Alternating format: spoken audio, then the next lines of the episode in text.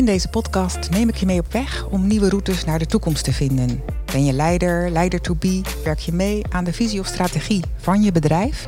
Of ben je gewoon geïnteresseerd in de nieuwe wegen die bedrijven en hun mensen kunnen gaan in deze tijd? Luister dan mee, want niet veranderen is geen optie. Ik ben Anke Meerding, ondernemer, motivational loopbaancoach en conceptontwikkelaar bij het kantoor van nu. Welkom in het kantoor van de toekomst. Hey Jozef, welkom. Wat super gaaf dat ik hier uh, mag komen bij jou. Om jou uh, te interviewen in deze podcast Kantoor van de Toekomst. Um, ja, wij kennen elkaar, maar het is natuurlijk super gaaf als jij jezelf ook uh, voorstelt, Jozef. Ja, ja, allereerst dankjewel natuurlijk dat ik mijn verhaal hier bij jou mag doen, Anke. Wij kennen elkaar een hele tijdje. Ja, ja. Een, een hele tijd. En ja, mijn naam is Jozef Oebelkas. Mm -hmm. Ik heb twee boeken geschreven. 400 brieven van mijn moeder. Prachtig en, boek, een aanrader, echt. Dankjewel. Super. En uh, Gezondheid, Liefde, Vrijheid. Ja, het eerste boek nu gaat nu naar de 23e druk. Tweede naar de tiende druk. Ja. En uh, dat gaat over mijn uh, onterechte gevangenschap. In verschillende gevangenissen in Marokko. -hmm. Van 2004 tot en met 2009. Tot 10 mm -hmm. jaar celstraf was ik destijds veroordeeld. Ik was Ja. 24. Mhm. Had nooit mogen gebeuren. Nee. Maar uiteindelijk uh, is het wel gebeurd. Is het mij opgelegd. Ben ik uit mijn leven gerukt. Dat ik tot dan toe kende. Mooi, comfortabel doorsnee leven. En uh, dat komt er tot een einde. En dan uh, is het aan jou. Ja, Wat zeker. doe je ermee? Ja, ja, zeker. En uh, hey, jij bent uiteindelijk in Nederland gekomen en hey, jij hebt daar je hebt onschuldig vastgezeten, wat een, wat een enorme levenservaring is. Mm -hmm. um, en jij spreekt nu voor um, gerechtshoven, hè, voor rechters, voor politiegroepen, uh, voor grote bedrijven, voor scholen. Ja, je bent nu echt inspirator in Nederland voor heel veel verschillende soorten doelgroepen. Ja, ja. Ik, ik, ik heb altijd persoonlijk een klein beetje moeite met het woord inspirator. Het staat zelfs op mijn website, maar mijn websitebouwer... Oh ja, ja. Van, Jij je, bent het. Ja, ja je, dat moet je, want, want mensen zoeken blijkbaar op het woord inspirator. Maar ik heb er altijd een beetje moeite mee, want ik vind mezelf geen inspirator... in die zin van mensen mm -hmm. mogen zelf bepalen mm -hmm. of ze mij een inspirator vinden. En als ja, dat gezegd... Ja. Vind ik het wel fijn, maar... Nou, oké, ik heb het gezegd, uh, nou, en, en, dan, en dan mag het, het maar dus, ik wil mezelf niet opblazen. Nou ja, laat ik nee, dat vooral niet doen. want nee. dat weet ik niet meer. Nee, nee, jammer zou maar, dat zijn. Nee, maar ik ben vooral Jozef Oebelkas met een mm -hmm. verhaal. En ja. we hebben allemaal een verhaal natuurlijk. Mhm. Mm -hmm. En dat ik mijn verhaal mag delen binnen al die instanties, binnen Mhm. alle lagen van de maatschappij... dat is wel echt een heel goed voorrecht. Ja, hè? Ja. Ja, ja is te gek. En wil ook zeggen dat jij wel heel erg geloofd uh, bent met jouw hele verhaal. Je wordt, hè, het is zo geloofwaardig dat, dat uh, het wordt gerechtvaardigd door zoveel instanties. Dat moet jou ook goed doen, denk ik. Absoluut, absoluut. Want bedoel... de rechters waar, die jou ook, uh, hè, um, ook onrecht hebben aangedaan, doordat je echt jaren vastgezeten hebt, die hebben jou ook weer ja, gerechtvaardigd. Nou, uh, de Marokkaanse rechters niet, hè. Laat, laat het even okay. wel weten. Dus in Marokko... Maar de gewoon... hele rechtswetenschap in Nederland. Ja, zeker. En, en zeker. Alle... Nou, maar zelfs gewoon Jantje op de hoek van de straat... Die, die, mijn, die mijn vonnis ziet en ja. doorleest... Ja. die gaat zeggen, hè, maar, maar, maar wat is dan het bewijs? Waarom hebben ze dan vastgezet? Dus die hoeft niet eens voor, uh, ja, hebben gestudeerd, rechten of zo. Het was gewoon zo belachelijk, zo bespottelijk... dat het zomaar kan... En dat heeft mij misschien nog het meeste verdriet gedaan. Ik had zoveel ja, alle hoop was erop gevestigd. Ik kom straks gewoon weer thuis. Ja. Want het is gewoon te, te duidelijk. We weten allemaal wie er wel achter zit. Hè. Het ging uiteindelijk om 8000 kilo drugs. 24 miljoen euro aan straatwaarde. Ja, ja, ja. Het is gewoon echt gewoon ja. serieuze cijfers. Ja, ongelooflijk. En uiteindelijk, ze wisten wie erachter zaten, maar het boeit ze gewoon helemaal niet. Ze wijzen jou gewoon aan. En dat ja. is het. Precies, zo kan het gaan. Dat, uh, dat heb ik nooit zo geweten. En, en hoe ben jij omgegaan met dat onrecht? Ja, er is natuurlijk eerst een periode. Uh, kijk, ik was 24, hè, nog een jong mm -hmm. manneke. Ik, mm -hmm. ik, ik, had mijn ICT-bedrijf gestart, hè, ICT mm -hmm. gestudeerd en uiteindelijk opgebouwd en alles gaat goed en je gaat uitbreiden. En um, je zit zo in die flow van het leven en dan ineens van de een op de andere seconde stopt dat. Ja, dat heeft mij heel veel, heel veel verdriet gedaan. Ik, heb, ik ben echt door een rouwproces uiteindelijk heen gegaan dat ik afscheid moest nemen van mijn... Uh, oude leven. Dus dat betekent um, gewoon letterlijk de hoop was gewoon weg. En dat is iets uh, wat ik vandaag de dag heel veel zie. Dat mensen allemaal maar hopen weer om het oude leven op te pikken. En oh, ik snap dat gevoel zo. En ja, dan wil ja. ik zo graag zeggen... Ja, die hoop is misschien best wel ijdel, want het gaat niet meer worden zoals het oude. Per definitie niet, want het oude -hmm. ligt in het verleden. Maar sta open voor wat er misschien... Nee, wat er nog gaat komen. En dat het misschien wel mooi kan zijn. Ja, precies. Dat wil ik graag uh, verspreiden. Ja, ja, want jij hebt heel lang vastgezeten tussen vier muren. Ja. En jij hebt binnen die vier muren heb je eigenlijk uh, een nieuw leven gecreëerd. Klopt. En hè, ik denk dat heel veel mensen nu uh, ook in hun bedrijven, hè, misschien wel lege bedrijven, de muren, hè, dat leiders van bedrijven zien de muren op zich afkomen van hé, hey, hè, hier moet leven zijn, hier moet verandering in aangebracht worden. Um, of mensen thuis die eigenlijk zien van hé, hey, die vier muren hier, um, ja, ik moet dit nu hier zelf maken. Wat zou jij uh, tegen die mensen willen zeggen? Ja, ik zou vooral willen zeggen dat ik het snap, dat ik het begrijp. Ja. Dus ik ben de laatste die zal zeggen van ja, weet je, maak je niet druk. Uh, weet, je, weet je wat ik heb meegemaakt? Of het kan altijd nog erger. Dat zijn altijd mm -hmm. zulke dooddoeners, vind ik mhm. persoonlijk. Want daar mm -hmm. kun je niks mee. En tuurlijk, het kan altijd erger. Maar jij Mhm. ervaart het wel op jouw manier. Dus dat verdriet, ja, ik vind het eigenlijk alleen maar heel mooi dat het er is. Dus ik draai het om. Dus als ik een ondernemer zie die pijn voelt, dan denk ik, dat is mooi, want dat maakt jou een mens. Want dat Ja. doet jou pijn, want je hebt mensen in dienst. En jij wilt er voor die mensen zijn. Je wilt hun lonen Mhm. overmaken, want zij Mhm. zijn afhankelijk van het Mhm. loon. Want ze moeten toch hypotheek, huur, rekeningen betalen. Dus ja. eigenlijk vind ik het gewoon heel mooi. En wat ik dan hoop, of in ieder geval wat ik dan zo'n ondernemer gun, is dat je dat verdriet kunt omzetten tot een kracht van ik wil er zijn voor mijn medemensen, ik wil er zijn voor mezelf. Ik ga alles op alles zetten dat ik het gewoon ga overleven. En dat gaat gewoon gebeuren. Dus het gaat ook om de mindset van de ondernemer. Die... 100 procent. Ja, Zeker. ja. Dus, en dat is Ja. wat ik natuurlijk in de gevangenis heb ervaren. Mhm. Die vier verschillende gevangenissen, die 15 meter hoge muren met Mhm. prikkeldraad en tralies, die waren Ja. niet op gericht om jou te helpen als mens. Nee, die waren er vooral op gericht, weet je wel, wij gaan alles van je afnemen.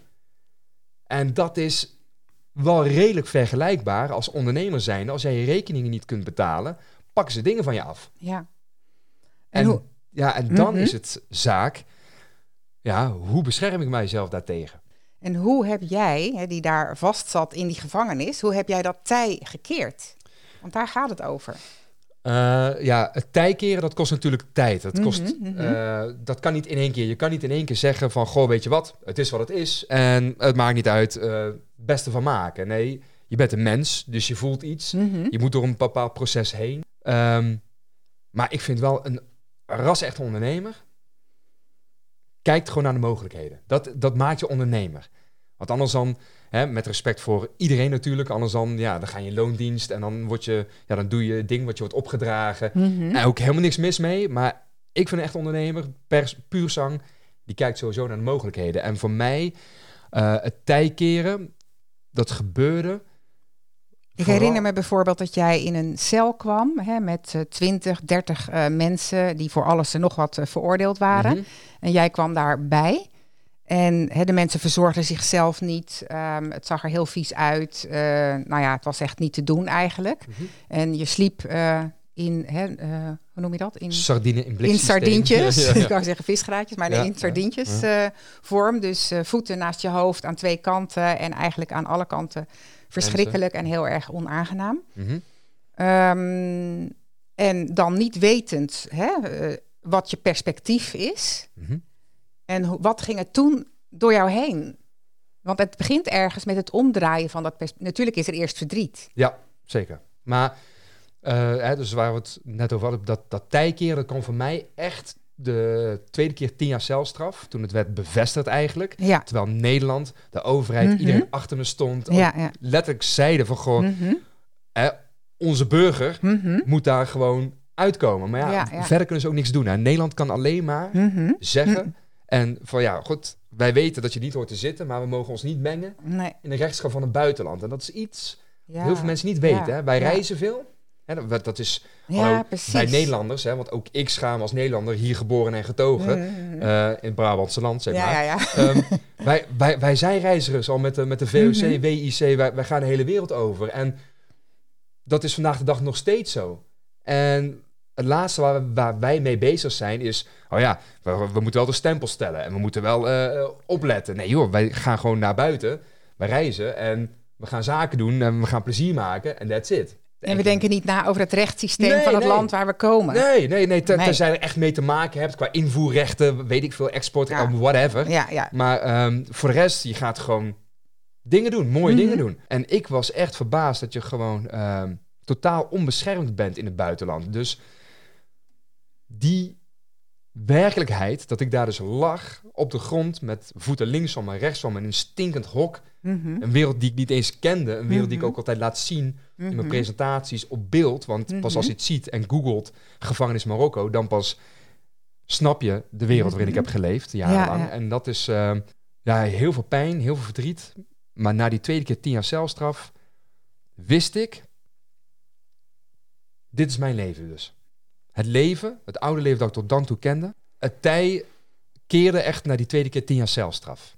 Dat ik dus eh, wist, dit is mijn leven, het gevangenisleven is mijn leven.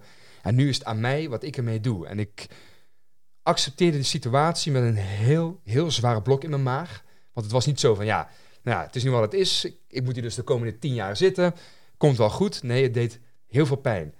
Maar ik wist ook, maar nu ligt het bij mij. En heeft wel echt wel een aantal weken, misschien wel maanden gekost... voordat ik echt de situatie kon accepteren zoals die was. Nogmaals, het kost tijd. We zitten nu al een behoorlijke tijd in de hele pandemie. Dus het kost voor sommige mensen nog steeds tijd. En soms, voor sommigen duurt het al te lang. Maar voor mij ehm, was echt de acceptatie van de situatie. Ik denk dat dat het begin is waaruit je weer kunt verder groeien. Denk jij ehm, dat we daar nu zijn? Dat we bij acceptatie zijn? Of hoe, wat zie jij gebeuren in bedrijven, in de maatschappij? Oh ja, ik zie, ik zie gelukkig ook behoorlijk wat ondernemers die eh, echt ondernemen, hè, even tussen haakjes, echt ondernemen. Mhm. En dus inderdaad al lang voorbij dat ja, acceptatieverhaal zijn. Die hebben zoiets van, ja, weet je al, het is nu wat het is. Eh, we hebben mensen thuis werken, we hebben dingen weer opgepakt. Er zijn zelfs bedrijven die hebben gewoon eh, geplust in 2020. Dus dat kan ook blijkbaar, hè, omdat ze gewoon heel snel hebben geschakeld. Het is ook wel brancheafhankelijk natuurlijk, hè. Zeker, ja. Dus wat dat betreft, eh, ja, als jij eh, in een branche zit waarin online niet zo heel makkelijk gewerkt kan worden, ja, dan is het wel gewoon moeilijker, punt. Maar ja, dat is ook wat het is. Maar eh, ik zie ook wel best wel wat mensen, en niet per se ondernemers, maar wel wat mensen die, ja, nu we een jaar, nog geen jaar verder zijn, dat de rekker toch wel een beetje uit begint te raken qua veerkracht. En eh, En betekent dat voor jou dat dat. Hoe, hoe zie jij dat? Is dat dan dat er onvoldoende acceptatie is? Dat er eigenlijk Mhm. een, het hangen is aan het oude? Dat we weer Mhm. terug willen naar mhm. ons bedrijf zoals het was? Ja, zeker. Eh, eh, ook ook ouders met kinderen thuis, hè, die je gewoon thuis leren. Dat ze zo van, goh, ik moet mijn salesgesprekken doen, maar mijn vrouw is online les aan het geven. Mijn kinderen die zitten herrie te maken en dat, dat bouwt natuurlijk stress op. Ja.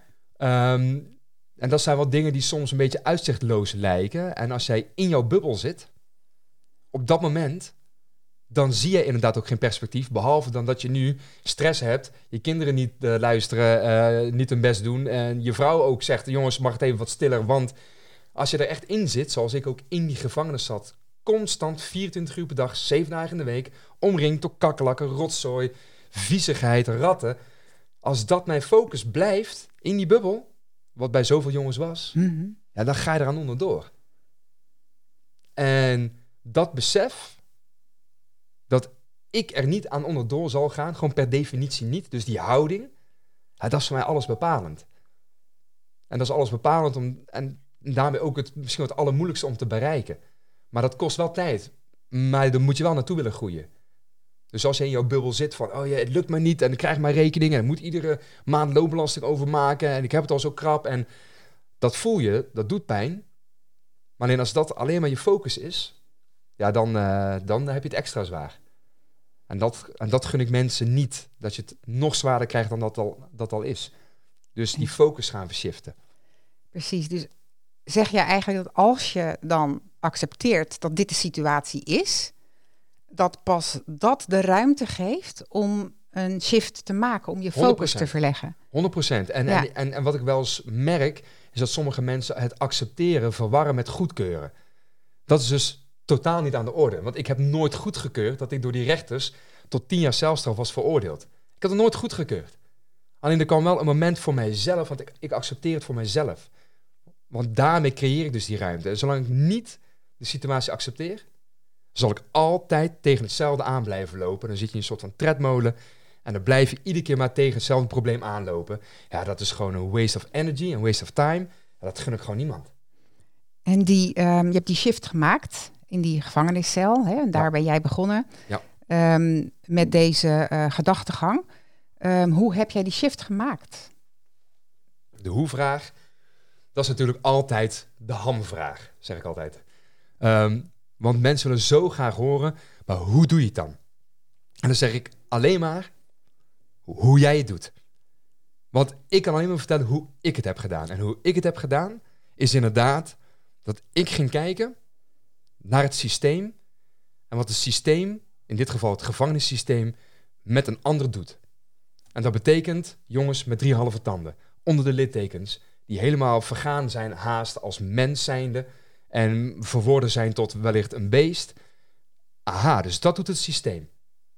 Dat zie ik, maar dat gaat mij niet overkomen.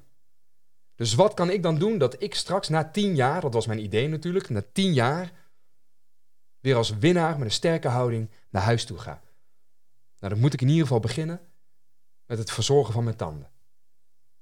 Want blijkbaar is het systeem hier erop gericht, uh, erop gericht om jou naar huis te laten gaan met drie halve tanden. Gaat gewoon niet, gaat gewoon niet gebeuren. Voor de mensen die het zien op Zoom. Hier, Dit zijn mijn eigen tanden. En kreeg ik spullen toegestuurd, was uiteindelijk toegestaan vanuit Nederland, zodat ik heel bewust met mijn tanden bezig was. En dat zo ja, haast religieus uh, aanpakken van mijn tanden, dat creëerde uiteindelijk dus dat ik dat stapje kon maken naar een ander doel. Want dat creëerde dus ruimte. Oh, ik ben heel bewust bezig met mijn tanden. Hè? Dus dat was gewoon het enige doel van die hele dag. Was ik ben bezig met mijn tanden. Niet van, oh, en die muren en het onrecht en wat is mij aangedaan. En, want daar was ik al doorheen geweest. Nu was het tijd, nu ben ik aan de beurt. Dan was ik alleen maar bezig met mijn tanden. En daarmee kwam de, de, de dag door en dat was het. En de volgende dag weer. En de volgende dag weer. En op een gegeven moment werd het tandenverzorgen werd gewoon onderdeel van mijn systeem. Waarmee ik uiteindelijk dus weer ruimte creëerde. Om weet je wat, ik ga de taal leren. De taal Marokkaans-Arabisch. Ik sprak geen woord Marokkaans-Arabisch. Ik zat wel voor werk met mijn eigen bedrijf, onder andere in Marokko. Maar dat komt omdat ik ook Frans spreek. En Frans is de tweede taal van Marokko. Maar met Frans en met ook een aantal Nederlandstalige Marokkanen daar in de gevangenis, begon ik gewoon Marokkaans-Arabisch te leren. Gewoon woordje voor woordje. Super moeilijke taal. Maar als je wilt, dan lukt het je. Is wat mijn moeder me ooit een keer ook schreef. In die brieven van haar. Want dat wil ik even benadrukken bedoel, mijn eerste boek heet niet voor niets 400 brieven van mijn moeder, want zij schreef mij stevast iedere week die brieven. En schreef ook naar heel veel lief, naast heel veel liefkozende woorden, ook hè, focus, neem je verantwoordelijkheid, bepaal je doelen en bereik ze ook daar. En maak die doelen maar heel klein. Want met het klein maken van de stapjes en de doelen, maak je uiteindelijk de grotere doelen. Dus tanden poetsen, de taal leren. En zo beetje bij beetje creëerde ik mijn wereld. En het was dus ook grip krijgen hè, door, door hele kleine dingen te focussen, ook op kleine dingen, door wat wel um, grijpbaar was voor jou op dat moment. Je eigen tanden, de dingen die, hè, de lichtstraal die er wel was, eh, dat je daarop focuste. Klopt. Dat je weer grip kon krijgen ook op het grotere geheel uiteindelijk. Hè? Ja, dat zeg je heel goed. Want als je alleen maar aanhikt tegen het grotere geheel, dus nu in dit geval de pandemie, de rekeningen die opstapelen, in mijn geval de tien jaar celstraf, iedere dag weer. Joh, tien jaar, hè, dat is... Het klinkt zo makkelijk als ik gewoon zeg tien jaar celstraf. Maar moet je je voorstellen dat dan vandaag de dag... dat alles wat we meemaken, avondklok, lockdown, zus, zo... je mag dit niet, de winkels niet open, je mag nergens naartoe, je mag niet reizen. Stel dat dit allemaal gaat gebeuren, niet tot deze zomer... niet tot 2022... maar alles gaat door tot 2030 op deze manier Sterker nog, avondklok 6 uur, je mag niemand meer thuis ontvangen tot en met 2030. En dan gaan er heel veel het loodje leggen als je daaraan denkt. Nou, er zijn er nu al heel veel mensen, ja, hè, ook ondernemers zijn depressief of uh, zien geen perspectief. Ja. En, ehm, en ja, het is eigenlijk ongelooflijk dat jij die shift hebt gemaakt, um, terwijl je zo'n uitzichtloze situatie had, dat jij wel perspectief zag. Ja, omdat het perspectief was, ik ga hier uitkomen ik ga hier als winnaar uitkomen. Dat werd die houding natuurlijk gevoed door de mensen die in mij geloofden. De mensen die me echt kennen, want dat was het belangrijkste. Of iemand mij nou gelooft of niet in mijn onschuld. Ik bedoel, ik snap dat mensen zeggen, iedereen is onschuldig. En waar rook is, is vuur, dit kan niet zomaar. Ja, weet je, met die mensen Ja, daar ga ik geen discussie aan. Joh, als jij dat denkt, dan mag jij denken. Want dat mag jij ook letterlijk denken. Want dat doet mij toch niks. Want ik weet het. De mensen die me echt kennen, die weten het. Wat ik net al zei, Jantje op de hoek van de straat. Die er gewoon in kijkt, zich er even in verdiept. Tien minuutjes, hè? Nog niet eens. Die weet het. Dat was alles voor mij. Dus dat gaf me wel die kracht Mhm. om uiteindelijk dus die houding me aan te meten. Ja, Het lijkt bijna te simpel dat je door je eigen houding, hè, want dat kun je zelf besluiten. Je kunt er zelf toe Ja. besluiten. Het is dus ook voor iedereen haalbaar Ja. om zelf te besluiten van ik, hè, deze hele pandemie, ook al heb ik een onderneming, ehm, dit gaat mij, ik ga hier uitkomen. Ook al kunnen er heel veel dingen niet. Hè, hele Zeker. markten zijn gesloten. Hele, een heleboel klanten kunnen niet komen op de manier hè, zoals je gewend was. Dus dat is een, een enorm probleem natuurlijk. Maar je kunt zelf besluiten, ik kom hier toch als een overwinnaar uit. ja. ja. En, en, en jij zei het zo mooi. Van iedereen kan dit. Hè? Tenminste, jij beaamt dat. Van iedereen kan dit. eh, wat ik ook zeg. En dat wil ik zo hard blijven benadrukken. Want met iedereen kan dit. Krijg je ook vaak de discussie van... Ja, nee, nee, ho, wacht even. Maar eh, eh, Pietje kan het niet. En op de werkvloer is eh, Mientje een beetje... Ja, weet je wel, ja, die is niet zo sterk. Dus joh, ik ben er helemaal klaar mee. Met dat pamperen, zeg maar. Van nee, nee, die kan het. Nee, het, het kan wel. Dus mijn focus is echt geworden... Met alles in het leven. Wat kan nu wel? Want ik ben klaar, ja, als iets niet kan, ja, heel vervelend. Dat vind ik echt heel jammer. Maar daar gaat mijn energie niet meer, niet meer naartoe. Want A, ik heb er geen tijd voor. En B, ik maak de keuze dat ik dan kijk en al mijn energie stop. in wat kan dan wel? Want als je alleen maar blijft hangen, het kan niet, het kan niet, het kan niet. En ik kan dit niet en ik kan niet naar de kapper. Nou ja, goed, ik heb daar geen last van, ik doe het zelf. Eh, maar ja, ja, ja dan, dan, dan wordt je leven wel zuur. Als jij honderd keer per dag tegen jezelf zegt... ik heb niemand, ik ben eenzaam. Ik snap dat er heel veel mensen eenzaam zijn... want die zeggen dat vaak honderd keer tegen zichzelf... en dan wordt het gewoon een self-fulfilling prophecy. En ik kan er soms best wel een beetje hard in zijn... dat mensen zeggen, ja, maar die is echt eenzaam. Absoluut, je hebt sommige mensen die hebben ook echt niemand... Maar alleen mijn moeder is daar echt een mega goed voorbeeld in. Zij woont echt op een paar honderd kilometer afstand. Nee, dus dat is ook niet waar. 150 kilometer afstand. Dus even langskomen met, mijn klein, eh, met haar kleinzoontje, met mijn zoontje. Dat kan niet zomaar even. Ze woont alleen. Ze is natuurlijk lang geleden gescheiden van mijn vader. Is 71. Maar zij creëert haar leven. Zij is niet eenzaam. Terwijl ze heel makkelijk eenzaam zou kunnen zijn. Want ze woont maar alleen. En als ze dan iedere keer maar wacht op mijn telefoontje. En oh Jozef, ik heb jou zo lang niet gezien. En ja, dan word je wel zuur en eenzaam. Maar mijn moeder pakt het zelf op. Gaat erop uit, fotografeert, maakt projecten, schrijft voor eh, kranten, eh, doet allerlei dingen. Eh, is gids in het stadje Gorkum, waar ze dan ook woont. Het mooiste stadje volgens haar. En dat is helemaal goed, want het is ook een heel mooi stadje. Dus zij onderneemt ook echt. Wat nou eenzaam? En hoe zou je dit kunnen vertalen als ondernemer?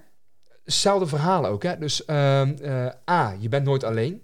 Ik vind dat misschien de meest grote, een hele schrale troost, maar wel een grote troost. We zitten er allemaal in vandaag de dag. Dus je bent niet alleen met jouw bedrijf en jouw mensen. Duizenden, duizenden zitten in hetzelfde schuitje. Dus kijk vooral in jouw omgeving naar bedrijven in een soortgelijke branche. Hoe zij ermee omgaan. Hè? Is wat je in de horeca heel veel ziet. Er wordt heel veel gekopieerd met thuisbezorgen, mooie maaltijden creëren. Hè? Wij maken er zelf ook wekelijks gebruik van bij onze plaatselijke eh, restaurants. Mm. We bellen ze op en iedere week hebben ze een ander menu. Dus wij zijn ook weer, nou, wat zullen ze nu hebben? Hè? Dan, en dan gaan we kijken op internet. Oh, ze hebben nu dit en dat en dat menu. Precies, dus als de klanten niet naar jou toe kunnen komen, ga jij naar de klanten toe, bijvoorbeeld. Bijvoorbeeld, of iets. En, en dat kan nog altijd, hè? Want je kunt altijd nog één iemand ontvangen, zo gezegd. Hè? Er wordt natuurlijk nu gedacht met die lockdown. Dat is vandaag de dag, hè? Lockdown. Als jij honderd keer lockdown tegen jezelf zegt, ja, dan gaat het ook echt voelen als een gevangenis. Maar ja, ik heb een heel ander beeld bij een lockdown. Dus wat nou lockdown? Ik bedoel, wij staan hier, we kunnen dingen ondernemen. Mm. Jij bent helemaal hier naar het mooie Maastricht gekomen, waar ik tegenwoordig woon, omdat mijn vrouw lief hier vandaan komt. Joh, we kunnen gewoon naar buiten. Het zonnetje schijnt, het is strak blauwe lucht. Er kan zo, zoveel wel. Maar als je alleen maar tegen jezelf zegt, ja, lockdown, ja, eh, lockdown, avondklok, avondklok, ja, we kunnen niks doen. Ja, dan heb je dus die self-fulfilling prophecy ook weer. Dat is eenzaamheid. Dus wat kan nu wel? Denk jij nou dat wij ehm, hier iets van leren van deze tijd? Eh, dat, wij, dat wij eigenlijk als mensen met elkaar een doorstart maken. Dat geldt dan ook voor de bedrijven. Maken we eigenlijk een goede doorstart na deze shock? Ik hoop het, laat ik het zo zeggen. echt, ik hoop echt, maar ik voel ook in het diepste van mijn hart, ik ben er een beetje bang voor dat mocht het allemaal weer lopen en gaan, dat eh, mensen ook weer heel snel weer vervallen in het oude patroon van drukte en dit en zus. En we moeten uh, dingen inhalen. Hè? Dat is ook toen ik thuis kwam vanuit die gevangenis. Je hebt echt het gevoel, je wilt die jaren inhalen. Dat zul je ook gaan krijgen. Dat mensen, we hebben omzetverlies geleden, dus nu gaan we alles op alles zetten. Om weer die omzetten zo hoog mogelijk te krijgen. Dus we gaan extra knallen, waardoor je weer in een stress komt. En je eigenlijk ja, heel veel weer vergeet daar hoop ik, ik hoop in ieder geval dat mensen uh, mooie herinneringen, dat is wat ik iemand gun, mooie herinneringen kunnen overhouden aan wat we nu meemaken. Wat zijn voor jou de, de lessen die je nu leert van dit moment? Wat zijn de mooie dingen van nu? Ja, kijk, die lessen heb ik al geleerd natuurlijk. Dus alles wat ik al heb geleerd, op een hele harde manier natuurlijk in die extreme omstandigheden binnen die gevangenis in Marokko, die pas ik sowieso al toe in mijn leven. Maar dat doe ik vandaag de dag natuurlijk extra. En voor mij persoonlijk ja, is 2020, zoals jij weet, het mooiste jaar van mijn leven. Want ik ben heel veel thuis geweest en ehm, eh, ik heb een zoontje, die is nu bijna 16 maanden. En die, uh, die loopt het hele, die danst en loopt. Ik had je net nog filmpjes laten zien, die danst en loopt de hele huiskamer. Dus ik, ik zie hem opgroeien. Dus voor mij is het een beetje vals spelen, want uh, ik had heel veel vrije tijd. Ik als spreker alle events gecanceld. En dat, dat, dat voelde ik even, want het zou, voor, net als voor heel veel ondernemers, zou 2020 een topjaar worden. Ja. Overal stond alles vol, de pleinen stond vol en noem het maar op. De opdrachten konden niet uh, op. En ineens valt alles weg. En dat heeft echt wel even, ja, ik denk toch wel een kwartiertje, half uurtje geduurd. Voordat ik dacht van, oh, oké, daar gaat een heel groot gat komen uh, in de inkomsten. Maar tegelijkertijd, en dat is misschien wel een hele grote tip die ik nu al zou willen meegeven. Ik ben er mentaal op voorbereid. En mentale voorbereiding is alles. En mentale voorbereiding, daar bedoel ik mee dat als iets overkomt, kun je het dan opvangen. En als ik ook iets heb geleerd in de gevangenis, dan is het dat ik alles bij mezelf leg. Alles. Dus ik ben 100% verantwoordelijk voor mijn geluk, voor mijn leven, voor mijn toekomst. Dus dat betekent, toen ik thuis kwam, ik had geen schadevergoeding. Had ik geen recht op. Ik kreeg een uitkering, had ik geen recht op. Want dat, ja, daar heb ik gewoon geen recht op, blijkbaar. Dus wat leerde mij dat? A, ik hoefde het ook niet te hebben. Laat dat even wel ze uh, zeggen. Ik hoefde geen schadevergoeding. Ik hoefde geen uitkering, want ik was al lang vastbesloten met die houding. In de gevangenis heb ik het overleefd. Hier vandaag de dag ga ik het ook overleven. Punt. Dus ik hoef geen hulp. Met respect voor de mensen die het wel nodig hebben. Ik hoef dat niet, want ik zie mezelf niet als hulpbehoevend. Ik zie mezelf echt als een sterke schouder. En dat heeft mij zo de ogen doen open dat ik het gewoon zelf moet regelen. Dus ook vandaag de dag, als de inkomsten stoppen, dan moet ik op voorbereid zijn dat ik in ieder geval rekeningen moet kunnen betalen. Want daar is het hele systeem hierop gericht. Je moet rekeningen betalen. Want als jij je huur of je hypotheek niet kunt betalen, dan pak ze je huis af. Dan pak ze je spullen af. En dan valt het hele kaartenhuis dan valt alles in elkaar. Ja, en dat is eigenlijk het enige waar je echt goed op voorbereid moet zijn. Dat je dus die rekeningen moet betalen. Want als je dat niet kunt, dan ben jij de crimineel. Kijk wat er is gebeurd met heel de toeslagenaffaire en noem het maar op. Die wordt gewoon echt gewoon keihard behandeld. Niet als mens, maar gewoon als iemand. Oh, je kan je rekeningen niet betalen, dus in het meest extreme geval ga je nog de bak in ook. En wordt alles van je afgepakt. En dat is even heel zwart-wit gezegd. Maar het is al wat het is. Dus als bij mij iets wegvalt, ik ben erop voorbereid, ik heb geen stress. En dat is dan vooral met gewoon, gewoon, gewoon een, goede buffer. Want stel ik zou ziek worden, dan moet ik het ook zelf zien te rooien. Want ik heb als ondernemer helemaal nergens recht op, blijkbaar. Maar het gaat dus eigenlijk om een gigantische mentale weerbaarheid. En, en dat zou eigenlijk ook heel mooi zijn voor, voor ondernemers nu. Dat iedereen eigenlijk bouwt aan zijn eigen mentale weerbaarheid. Ja, Zeker. En maar, maar, maar hoe moeilijk is het om mentale weerbaarheid te creëren in een stressvolle omgeving? Want je wordt natuurlijk. Wat is jouw antwoord daarop? Ja, ja, ja, ja. dat is echt de focus 100% naar jezelf. Ja. Dus alles wat je voelt, ja. alles wat je meemaakt. En ik heb zo hard het gevoel van machteloosheid, boosheid, frustratie, onrecht tegen de rechters, tegen de Nederlandse overheid. Waarom doen jullie niet beter jullie best om mij naar huis te krijgen? Het is zo duidelijk dat ik hier niet hoor te zitten. Al die boosheid, frustratie, machteloosheid, het gevoel onrecht, kanaliseren. Een plaats geven. Van dat zie ik. Dat mag er zijn. Dat is ook nog eens even een grote stap. Hè? Dat mag er zijn, want het is er toch. Ja. Dan bepaal ik. Maar je zet het even, Ik zet het je weg. observeert het. Juist. Ja. Echt, echt uit mijn eigen bubbel. Mhm. Van oh, zielige ik. En oh, problemen. En oh, kijk mij, kijk mij. Ik stap uit die zielige ik-bubbel. En ik zie die bubbel. En ik kijk. Daar is het onrecht. Daar is het verdriet. Machteloosheid. En het mag er zijn ook, want het is er toch. Precies, dus je zet het onrecht ook buiten jezelf, waardoor je 100%. niet in de slachtofferrol 100%. gaat van mij wordt onrecht aangedaan. Want dat is natuurlijk ook wel, door wat er allemaal gebeurt, alle maatregelen, Ja. de hele pandemie. Het, is natuurlijk een soort, het is een soort onrecht dat ons allemaal Ja, wordt aangedaan. Ja. Maar ehm, hoe je daarmee omgaat, dat maakt de wereld van verschil. En jij 100%. zegt dus van, nou, je zet het buiten jezelf. Het is onrecht en je observeert het. En je, je kijkt ernaar van, oké, het is er. En dan? Ja. En dan inderdaad. Het is haast. Dat klinkt zo gek. Het is haast. Het is misschien ook wel jezelf een beetje voor de gek houden. Maar als het helpt, dan helpt het. Helemaal goed, hè? Ja, ja, ja, precies. Eh, uiteindelijk is het hele leven jezelf een beetje voor de gek houden. Maar dat is natuurlijk... Hè? cares? Ja, ja, precies. Het is een heel ander filosofisch gesprek dan uiteindelijk weer. Ehm, Maar eh, ja, het is, het is gewoon allemaal illusie. Maar goed, eh, nogmaals. Dat doen we de volgende Ja, ja, keer. dat doen we de volgende keer. Ehm, eh, en het, het is haast alsof het iemand anders is die dat overkomt. Dus ik zet mezelf erbuiten. Dus dat is Mhm. Of weet ik veel, Hassan of Mohamed of wat, wat voor naam je eraan wilt geven. Een vrouwelijke naam, een transgender-neutrale naam, whatever. En dan is het kijken, maar wie ben ik? Wat zijn mijn waarden? Waar sta ik voor? En dit is wel een heel cruciale vraag, want heel veel mensen, die zijn natuurlijk door de waan van de dag, door alle drukte, noem het maar op, ben je eigenlijk niet zo met jezelf bezig. We ontsnappen, of we zoeken constant ontsnappingen met Netflix, met films, met zus, met zo, met boeken. En dat is mooi, dat mag.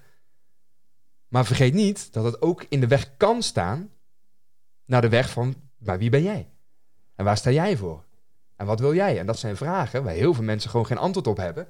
Vandaag de dag wel mee worden geconfronteerd. Of ze zoeken in ieder geval een uitvlucht. Hè? Uit eten, winkelen, een uitvlucht. En nu zijn die uitvluchten allemaal weggeslagen. Hey, en dan ineens staat aan het einde van de gang, daar sta je zelf. En dat is confronterend voor sommige mensen. Of misschien wel voor heel veel mensen.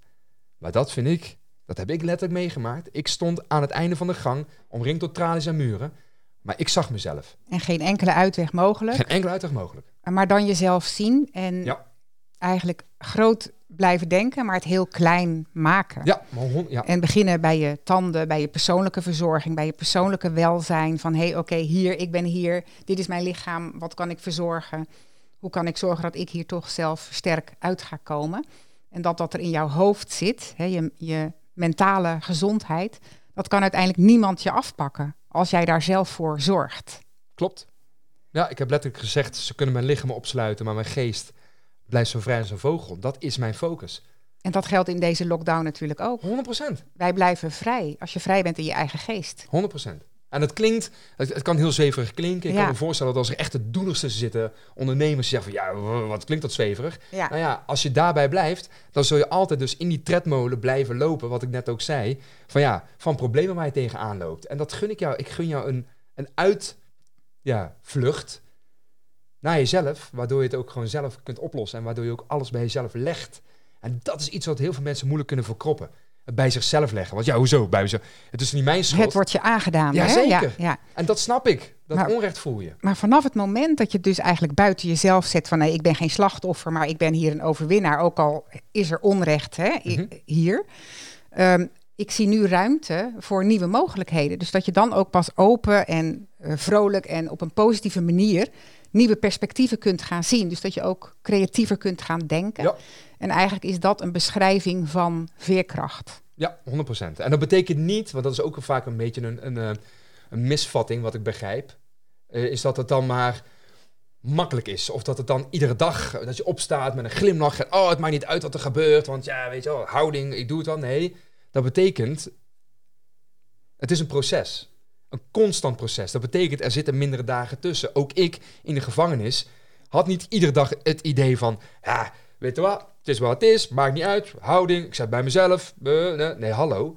Ik heb echt eh, Ook eenzaamheid, verdriet. zeker verdriet. En bedoel, eh, je, ik was jarig En dan zit je daar in je troosteloze omgeving. En je zit er van maandag tot met zondag. Iedere minuut van de dag wetende dat je daar niet hoort. Dus het komt zo hard binnen op sommige momenten. Met kerst, met oud en nieuw. Met de verjaardag van mijn moeder, van mijn vrienden. Ik zie dat met 24, 25, 26, 27, 28, die jaren. Als ik nu spreek naar ja, de ondernemer nu. Als je terugkijkt naar die jaren, of je zit er nu misschien in. Je bent aan het opbouwen, je bedrijf, alles. Je komt misschien wel de beste klanten tegen, opdrachtgevers. Je ontmoet mensen, je misschien de partner van je leven. Je koopt je eerste huis, een bedrijfspand. Je bouwt echt je leven op in die tijd ook. Ja, dat zag ik allemaal aan mij voorbij gaan. Want ik zag dat wel in mijn vriendenkring gebeuren. Dus dat doet echt wel wat met je. Mensen die komen te overlijden. En je kunt niet even naar een uitvaart of naar een begrafenis, want je zit gewoon achter tralies langs de zeilen van het leven. Dus dat doet echt wel wat met je. Dus ik heb daardoor ook geleerd dat het ook mag zijn. Dat het ook verdrietig mag zijn. Dus als je nu vandaag de dag, naast alle positiviteit en de houding, die probeer je dan aan te meten. En dan op een gegeven moment heb je een dag, shit, ik voel het even niet. Nou, laat die dag vooral even lekker shit zijn. Nou, dat is ook gewoon eerlijk naar jezelf. Hè? Maar dat ehm, is precies wat jij zegt, Anke. Dat, dat is ook eerlijk naar jezelf. En dat is ook de ontmoeting met jezelf. Hè? Wat jij zegt, niet alleen leven in uitvluchten, maar ook de ontmoeting met jezelf. Ja. En vanuit die realiteit, daar ook, er zijn in de realiteit ook mogelijkheden. Ja. En die proberen te zien. Ja, maar, maar dan tegelijkertijd ook het verdriet ook gewoon mogen toelaten. Dat je dan ook, ook een keer een dag hebt dat je even allemaal niet ziet zitten. Want je juist op die dag alleen maar aanslagen, rekeningen, loonbelastingen, dit, zo, zo, allemaal moet betalen. Waardoor ineens de rekening is, een knauw krijgt. Dat, dat je het even voelt. En dan je echt even denkt van, oh, maar ik heb potverdorie, weet je wel. Ik doe zo hard mijn best. En wordt zo aan de achterkant weer van me afgepakt. En ik geef al mijn tijd, mijn energie, mijn liefde erin. Maar niemand die het ziet of waardeert. Of dat je even een klote voelt. Zo dat ik het zeg zo. Maar, nee, maar dat het gewoon kan zijn. Nou, kijk, verdriet. Wij willen daar het liefste omheen, overheen. Maar vooral niet erdoorheen. Want dat is, op een of andere manier is dat ons aangeleerd. Je mag geen verdriet hebben. Hè, dat begint al met baby's. Hè? Niet huilen, niet huilen. Hè? Doe maar rustig. Of Als ons kindje huilt of boos is, dan mag het even huilen en boos zijn of als hij pijn heeft, wij gaan het niet sussen. Huil er maar uit. Gooi het er maar uit. Want wij worden uiteindelijk in het leven blijkbaar aangeleerd dat je het niet mag laten zien.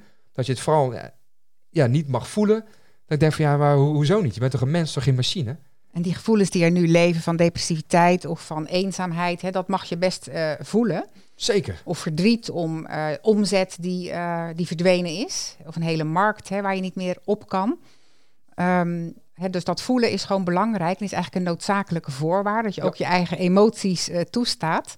Anders blokkeer je met je eigen emoties ook um, de mogelijkheden die er wel zijn. Ja, en, en, sterker nog, met dat verdriet toelaten, heb ik ervaren. Want ik krijg zo vaak te horen van mensen: Goh, weet je wel, je lacht en dit en dat is en zo. En uh, je staat altijd zo positief in het leven. Dan zeg ik: Ho, ho, wacht even. Ik sta niet altijd positief in het leven.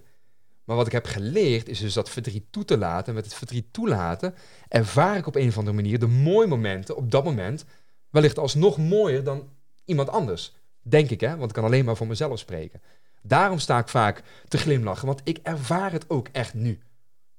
Maar ook vandaag de dag. Ze zijn wel schaars, de slechte dagen. Want ik zit al lang in het proces van het bij mezelf leggen. Kijken naar, naar wat wel kan. Dus ik blijf niet in hangen. En dat is wat ik ook iemand gun. Een depressie, dat gun je, ja, ja die gun je niemand. En uh, nou, ik denk dat een depressie echt een op, een, op één hoping is van maar onderdrukken van verdriet, onderdrukken van verdriet. Maar dat kun je niet onderdrukken. Dat denk je wel. Maar uiteindelijk barst het uit als een vulkaan en dan is het uh, helemaal zoek. Dus het er mogen zijn met je emoties hè, is een eerste stap. Ook om vervolgens hè, uh, jezelf te zijn en aandacht te geven aan jezelf en aan je lichaam. Ja. Om op die manier ehm, kleine stappen te zetten om weer grip te krijgen op je eigen situatie. Precies. En dat, en dat grip krijgen, dat is wel even cruciaal. Want uh, zielig doen, dat mag af en toe, maar blijven niet in hangen. Want ik zie helaas ook te veel mensen die dan in dat slachtofferrol rolletje blijven hangen. En dat, uh, dat is dus niet mijn verhaal. Zo van, ja, maar ik mag toch laten zien dat ik verdrietig ben? Zeker. Maar laat ook vooral zien hoe er dan weer uitkomt. Ja, maar ik weet niet hoe. Ik ook niet. Maar het kan wel. En dat is mijn focus. Het kan wel.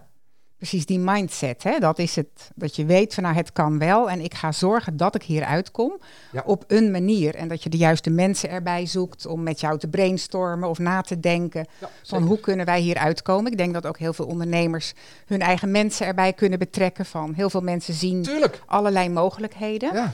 En um, wij leven allemaal hier in Nederland. En um, alle klantbehoeftes zijn er nog steeds. Alleen de klantbehoeftes zijn veranderd. Ja. En dus er zijn behoeftes om in te spelen uh, voor de ondernemers. Dus uh, iedereen wil uh, eten, drinken, samen zijn, leuke dingen doen en vermaak vinden. Ja. Dus hè, alle soorten branches. Op, er zijn nog steeds klantbehoeftes. Ja. Ja, en die zullen hier en daar wel veranderd zijn. Zeker. Uiteraard. Maar daarom, wat we ook al een beetje aan het begin zeiden, hè, kijk dan in jouw branche hoe anderen het doen. Ja, en, en, en soms is er ook geen uitweg. Hè? Dat zeg ik ook wel eens. Hè? Soms dan val je gewoon om. Hè? Ik heb echt een vriend van mij gehad. Die heeft een eigen bedrijf. Dus, dus ook een ondernemer. Ik heb jou dat verhaal volgens mij al een keer verteld. Die, uh, die mij opbelde en zei van... Goh, ik heb het echt even moeilijk. Ik mag even gewoon mijn verhaal doen? Ja, tuurlijk man. Ik bedoel daarvoor... In wat voor branche uh, onderneming had hij? hij? Hij zit in de bouw. Mhm. En in de bouw is wel heel veel werk natuurlijk. Maar alleen hij ervoer ja, een bepaald soort stress uh, onzekerheid, waardoor die um, zoiets had van ja, wat als ik omval? Of wat als ik um, dit niet meer kan doorzetten? Of wat... En um, ik zei toen tegen hem, waarom doe je wat je doet? Dat is zo'n belangrijke vraag ook. Hè? Waarom doe je wat je doet? Ja, om geld te verdienen, om, uh, om ja, eigen bedrijf, ondernemer. Ja, dat klopt. Maar waarom doe je dit? En uiteindelijk na wat vragen, doorvragen. Ja, hè, hij wil natuurlijk zijn als vader. Drie kinderen. En ehm, ja, ik wil er gewoon zijn voor ze. Ja, maar dat kan altijd, hè? Dat is niet afhankelijk van het bedrijf. Ja, maar ik heb toch een huis en kleren moeten ze hebben en ze moeten naar school en bla. Dat klopt. Maar er zijn is maar één ding.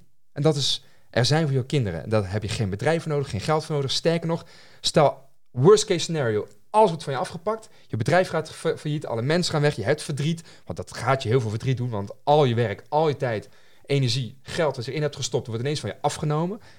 Hè, een beetje wat bij mij ook is gebeurd, heel mijn leven was afgenomen. Maar stel, jij zit, worst case scenario nogmaals, in een tent, bij je schoonouders, in de tuin, want alles is van je afgenomen, maar je zit daar met jouw drie kinderen. Maar jij gaat met jouw drie kinderen er een groot avontuur van maken. Ik kan je nu al meegeven, Jouw kinderen gaan dit nooit vergeten. En die gaan later zeggen: Goh, pap, dat was echt een avontuur. Hè? We zaten toen in een tent met z'n vijven bij elkaar, met papa en mama. En ik zag je af en toe wel even huilen. Dat snapte ik niet. Maar goed, wij hadden het gewoon fijn en leuk. En dat is ook een scenario, hè? Een onvergetelijk mooie tijd. Onvergetelijk mooie tijd, hè? En dat is mhm. iets wat ik zo iedereen vandaag de dag gun. Is je leeft ook nu. Ik leef ook in de gevangenis. Ik krijg zo vaak te horen van mensen: Oh, verloren jaren. Nee, dat zijn mhm. geen verloren jaren. Eh, sterker nog, ik leefde toen, hè? En dat vind ik ook wel mooi, ja. Ja, het zijn, dus, dus dat inzicht, dat gun ik ook iemand vandaag de dag. Dat als je straks terugkijkt op deze pandemie, coronaperiode, lockdown, hoe je het maar wil benoemen. Ik zeg gewoon, mhm. weet je wel, op een periode. Hoe kijk je dan op terug? Laat het waardevol zijn. En dat kun je nu creëren. Nee, precies, want we leven gewoon ook nu, vandaag. En dit is ook een hele mooie dag, hè, wat wij, hoe wij nu in gesprek zijn. En zo kan iedereen um, zijn dag ook creëren. Absoluut. En door het er het beste van te maken. Ja, en het voelt vaak natuurlijk vandaag de dag ook voor heel veel, heel veel overleven. En dat is ook wat ik snap als geen ander. Want voor mij was het ook vaak de dag overleven. Dat ik gewoon opstond tijdens het ochtendappel. Dat de koppen werden geteld. Wow, in het Arabisch ook inmiddels spreken natuurlijk. Mm en dan worden die koppen geteld, 1, 2, 3, 4. En ik wist iedere dag, ik hoor hier niet te zitten. En dan moest ik de hele dag doorkomen, opgesloten in een vieze omgeving, smerig, weten dat ik daar niet hoor te zitten. En die dagen, die duren lang, hè? Dus ik snap als geen ander wat het is om te overleven. Precies. En het onrecht blijft, hè? ook nu, het is er. Ja. Maar als je erin blijft zitten als een slachtoffer, dat is even het verschil. Blijven we als een slachtoffer met je bedrijf waar dingen niet lekker lopen, blijf je daar zo in zitten? Of zet je het buiten jezelf? Oké, we kunnen hier allemaal niks aan doen, we zitten hier samen in. En ik ga hier toch iets van maken, hè, als dat mogelijk is. Natuurlijk, hè. niet voor elke ondernemer is dat mogelijk, maar voor heel veel ondernemers is er nog heel veel wel mogelijk. Ja. En zijn er ook heel veel nieuwe mogelijkheden. Ja, ja klopt. Klopt. Dus, uh, en, en, en, dat is, en hoe vul je dan die dag in? En dat voelt soms als overleven, maar weet je wat? Soms moet je ook overleven. Dat hoort er ook bij. Het is lekker makkelijk als het maar makkelijk gaat. Maar natuurlijk, maar af en toe... Er is geen uh, rozentuin uh, beloofd, hè? Ik zeg, uh, er is helemaal niks beloofd. Het enige wat wel beloofd is, is wat je zelf kunt beloven. En daar moet je gewoon keihard voor werken. En dat is oké. Precies, trouw zijn aan jezelf en zelf vormgeven aan, aan je eigen leven. En daarin zo klein mogelijk beginnen. En van daaruit eigenlijk opbouwen om op die manier perspectieven te gaan zien. Ja, zeker. Ja, Oké, Jozef, ik wil jou ontzettend bedanken voor dit uh, mooie gesprek. Ja, uh, graag gedaan, Anke. Dankjewel dat ik hier mocht zijn. Voor jou, met jou. Heel graag. Succes. Super gaaf. We zouden nog heel graag willen knuffelen. Ja, zo, ja, natuurlijk. tuurlijk. Ik, maar, ik voel uh, het. Het kan niet. Dat hebben we al vaker gedaan, maar dat nu even, nu, nu even niet. niet. Stom eigenlijk. Hè? Ik vind het zo ongemakkelijk, Ja, ja, ja. Maar ja, het is al wat het is. Precies. Komt alweer goed. Zeker, zeker. Nou, heb je het gevoel dat je hebt kunnen zeggen tegen ondernemers wat je wilde zeggen? Ik denk het wel. Want soms hoef je ook niet heel veel te zeggen, behalve in uh, ja, dat het echt wel goed komt. Heb daar ook maar gewoon vertrouwen in. Dat het mm -hmm. nu dan misschien even moeilijk is. Ik heb ook natuurlijk die moeilijke tijden gehad. Um, maar ik wil alleen maar laten zien met een grote glimlach dat het ook weer goed kan komen. Vertrouw er maar op. Het komt mm -hmm. echt wel weer goed. Ja, want jij hebt zo lang hoop eigenlijk moeten houden ook. Ja, hè? zeker. Ja, dat is echt ongelooflijk. Ja, maar, en toch, blijkbaar, het kan dus weer goed komen. Maar dat komt wel omdat ik erin geloof dat het echt goed komt. Nee, precies. Als jij al op de grond had gelegen met een uh, mond vol tanden, maar dan die er niet uitzagen, dan, um, dan had jij hier nu niet gestaan ook. Dus jij hebt toen iets besloten al voor een toekomst die nog moest komen, waar je het zicht nog niet op had. Nou, het zicht was wel duidelijk dat ik daar stond met al mijn tanden. Ja. Dus dat zicht, dat had ik. En dat zicht... Dat was het van nu, het nu. Ja, en dat gun ik ook Ja. vandaag de dag. Kracht, sterkte, de liefde. Als je dat ziet, dan ga je daar gewoon voor. Dus haast als een oorlog winnen, weet je wel. Als je al, al, al niet gelooft in het winnen van een oorlog, ja, dan is je moraal omlaag. Dan ga je het gewoon niet winnen. Nee, dus je besluit eigenlijk je eigen oorlog te winnen. Van, Ja. ik ga hier uitkomen. Ja, punt, Mij punt. krijgen ze niet kapot. Punt. En dat is een mooie mindset. Dat is te gek. Juist buiten de gebaande paden vind je de mogelijkheden voor innovatie. Op de gebaande paden moeten we ons zo aanpassen. Ik voel me daar niet zo bij op mijn gemak. We zijn gewoon te uniek en er zijn unieke paden buiten de gebaande paden die ons veel meer maatwerk leveren en die ons verbinden met de natuur en met elkaar. Ik denk dat innovatie de mensheid helpt unieke oplossingen te vinden. Als die positief worden ingezet en niet de natuur verwoesten, want dan, dat keert zich tegen ons en dat zie je nu gebeuren. En mensen helpt weer in verbinding te komen met elkaar, kunnen we bouwen aan een positieve toekomst. Je kunt groot denken en klein beginnen.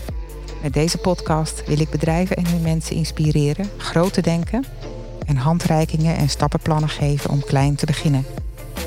Innovatie hoeft gewoon niet moeilijk te zijn. Met deze podcast wil ik bedrijven in het midden- en kleinbedrijf innovatietips geven en mijn e-book de Innovatie Toolbox aanbieden. Met daarin een zeven stappenplan hoe je jouw medewerkers leert zelfstandig te innoveren. Zo leer je voorop te lopen in je markt en creëer je meer succes, groei en winst. Zo is innovatie niet alleen high-tech, maar ook goed voor mensen, water en groen. Door wendbaarder te worden, leren we omgaan met onzekerheden en vinden we nieuw perspectief. Zo is innovatie geen eenmalige actie, maar een duurzaam en integraal onderdeel van je bedrijfscultuur. Dat merken je medewerkers, maar dat zien ook je klanten. Zo ben je wendbaar en kunnen je bedrijf en je medewerkers flexibel meebewegen met de ontwikkelingen. Ik geef ze je cadeau. Download het e-book www.hetkantoorvannu innovatietoolbox. Innoveer en vergroot je bestaansrecht. Ik wens je voor nu een hele mooie dag. Dank voor vandaag en tot volgende week bij de gloednieuwe podcast van Kantoor van de Toekomst.